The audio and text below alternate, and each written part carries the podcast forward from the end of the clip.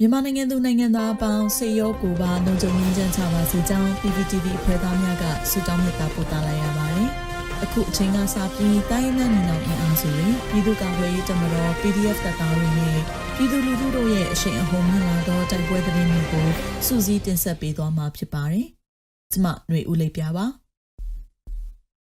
ထမဆုံးအနေနဲ့ကလေးမျိုးနယ်တွင်၃ရက်ဆက်တိုက်တိုက်ပွဲဖြစ်ပြီးစစ်ကောင်စီဘက်မှ42ဦးသေဆုံးက PDF 2ဦးကြာဆုံးတဲ့တဲ့တင်ဆက်ပါမယ်။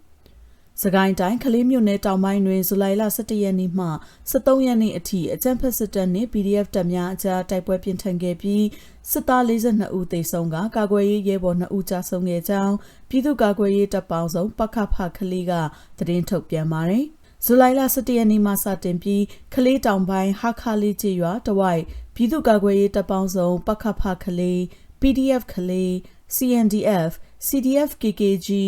RKTF UGF ခလေးပူးပေါင်းတပ်များနှင့်အကြမ်းဖက်စစ်တပ်တို့အကြားရင်ဆိုင်တိုက်ပွဲများပြင်းထန်ခဲ့ကြောင်းသိရှိရပါသည်စစ်တပ်စစ်ကြောင်းသည်ဇူလိုင်လ12ရက် နေ့ညနေ4:55မိနစ်တွင်စီတာကျေးရွာတီလာရှင်ရိပ်သာကျောင်းဘက်အရောက်တွင်ပြည်သူ့ကာကွယ်ရေးတပ်ပေါင်းစုနှင့်ထပ်မံရင်ဆိုင်တိုက်ပွဲပြင်းထန်ခဲ့ပြီးစစ်တပ်ဖက်မှတိုက်ဆုံမှုများပြားခဲ့တာပါဇူလိုင်လ23ရက်နေ့နနက်ပိုင်းစစ်တပ်နှင့် PDF ထများအကြား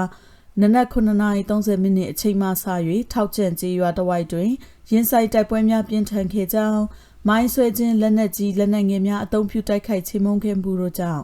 စစ်တပ်ဖက်မှ42ဦးသေဆုံးခဲ့ပြီးပြည်သူ့ကာကွယ်ရေးတပ်ပေါင်းစုဘက်မှ2ဦးကြာဆုံးခဲ့ကြောင်းသိရှိရပါတယ်။အဆိုပါထိတွေ့တိုက်ပွဲသည်ယနေ့မွန်းလယ်2နာရီ15မိနစ်တွင်ပြည့်စုံခဲ့ပြီးပြည်သူ့ကာကွယ်ရေးတပ်ပေါင်းစုဘက်မှပြန်လည်ဆုတ်ခွာခဲ့ကြောင်းသိရရှိပါသည်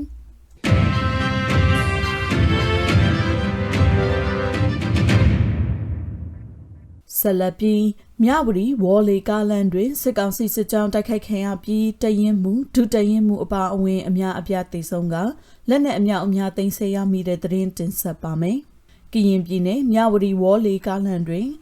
စစ်ကောင်စီ၏တပ်မ44လက်အောက်ခံခလာရ8စစ်ကြောင်းကို ကော့ဘရာစစ်ကြောင်းကဇူလိုင်လ12ရက်နေ့နက်ရှနာရီမှစတင်တိုက်ခိုက်ခဲ့ပြီးအကြမ်းဖက်စစ်တပ်မှတရင်မှုဒုတရင်မှုအပါအဝင်အများအပြားသေဆုံးက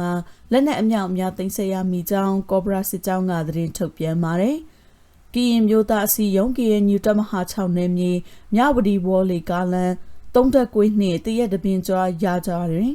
ကျန်းဖက်စစ်တပ်ခလာရရှိစစ်ကြောင်းနှင့် KNL ပူးပေါင်းတပ်ဖွဲ့ကောဘရာစစ်ကြောင်းတို့ နနက်၈နာရီမှစတင်ကတိုက်ပွဲဖြစ်ပွားခဲ့ခြင်းဖြစ်ပြီးကောဘရာရဲဘော်၃ဦးမစိုးရိမ်တရားရရှိကြောင်းသိရှိရပါသည်။နေမြေရှင်းလင်းရာတွင်အကြမ်းဖက်စစ်ကောင်စီတပ်ဖွဲ့၏စစ်အုံဆောင်ပစ္စည်းများပြားစွာတင်ဆက်ရမိကြောင်းကောဘရာစစ်ကြောင်းကသတင်းထုတ်ပြန်ပါသည်။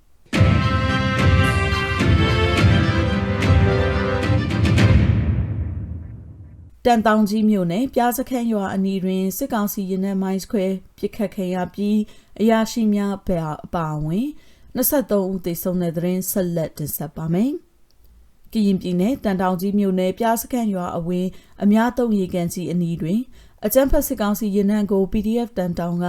ဇူလိုင်လ12ရက်နနက်7:00နာရီတွင်ပစ်ခတ်တိုက်ခိုက်ရာ စစ်ကောင်စီဘက်မှရရှိအပါအဝင်23ဦးသေဆုံးပြီးအများအပြားဒဏ်ရာရကြောင်း PDF တန်တောင်ကသတင်းထုတ်ပြန်ထားပါတယ်။အဆိုပါစစ်ကောင်စီတပ်ဖွဲ့သည်ဘောဂလီမြို့မှတန်တောင်မြို့သို့ခြေလျင်ထွက်ခွာလာပြီးတန်တောင်မှတဆင်တောင်ငူမြို့ဘက်သို့စစ်ရင်တန်းဖြင့်ထွက်ခွာလာခြင်းဖြစ်ပြီးဂျားဖြတ်တိုက်ခိုက်ခံရမှုကြောင့်စစ်ကားနှစ်စီးမှအခင်းဖြစ်နေရာတွင်ပျက်စီးသွားပြီးမွန်းလွဲ3နာရီတွင်မှပြန်လည်ဆွဲယူသွားကြောင်းသိရှိရပါသည်။ ပျက်စီးသွားသည့်ကားကိုလာရောက်ဆွဲယူသည့်အချိန်တွင်ထပ်မံတိုက်ခိုက်ခြင်းခံရပါက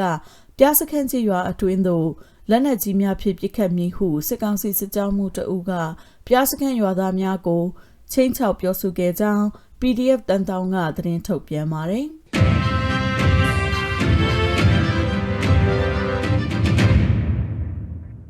နောက်ဆုံးအနေနဲ့အမျိုးသားညီညွတ်ရေးအစိုးရပြည်ထရေးနဲ့လူဝင်မှုကြီးကြပ်ရေးဝန်ကြီးဌာနက